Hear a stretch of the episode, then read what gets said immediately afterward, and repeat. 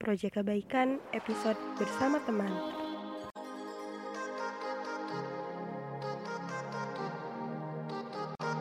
Hari ini kita akan membahas tentang kok ada ya orang yang santai banget kayak nggak pernah punya masalah. Nah sebenarnya orang itu apakah benar dia emang nggak punya masalah?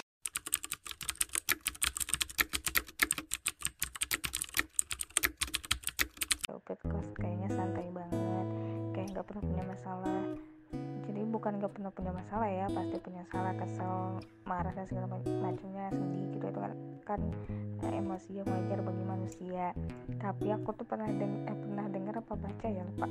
Jadi kita tuh harus mengkotak-kotakan emosi.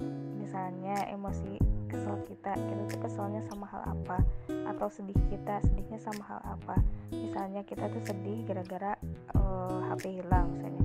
Nah kita tuh sedih emang sedih gitu tapi sedih itu tuh disimpan uh, ketika kita sendiri karena HP hilang. Jadi pas nyeritain ke orang kita tuh nggak sedih tapi memang ngasih informasi aja bahwa kita HP-nya hilang. Nanti pas sendiri kita baru deh renungi oh ternyata aku tuh sedih karena HP HP hilang gitu. Terus baru deh cari solusi udah gitu kalau misalnya kesel kesel uh, kesel ke orang gitu. Kan kita keselnya ke orang yang satu ya.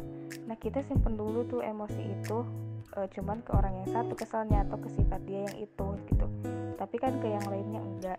Jadi kita disimpan di kotak tertentu pasti orang lain uh, ngeluarin sifat yang itu baru deh keselnya keluar. Tapi kalau orang itu enggak ngeluarin sifat yang itu nggak usah dikeluarin tuh si keselnya. Apalagi uh, kalau nggak ketemu orangnya misalnya ketemu orang lain tapi muka kita kesel. Padahal kita keselnya bukan sama orang itu. Tapi kan itu bikin orang salah sangka. Nah makanya uh, itu emosi itu harus dikotak-kotakan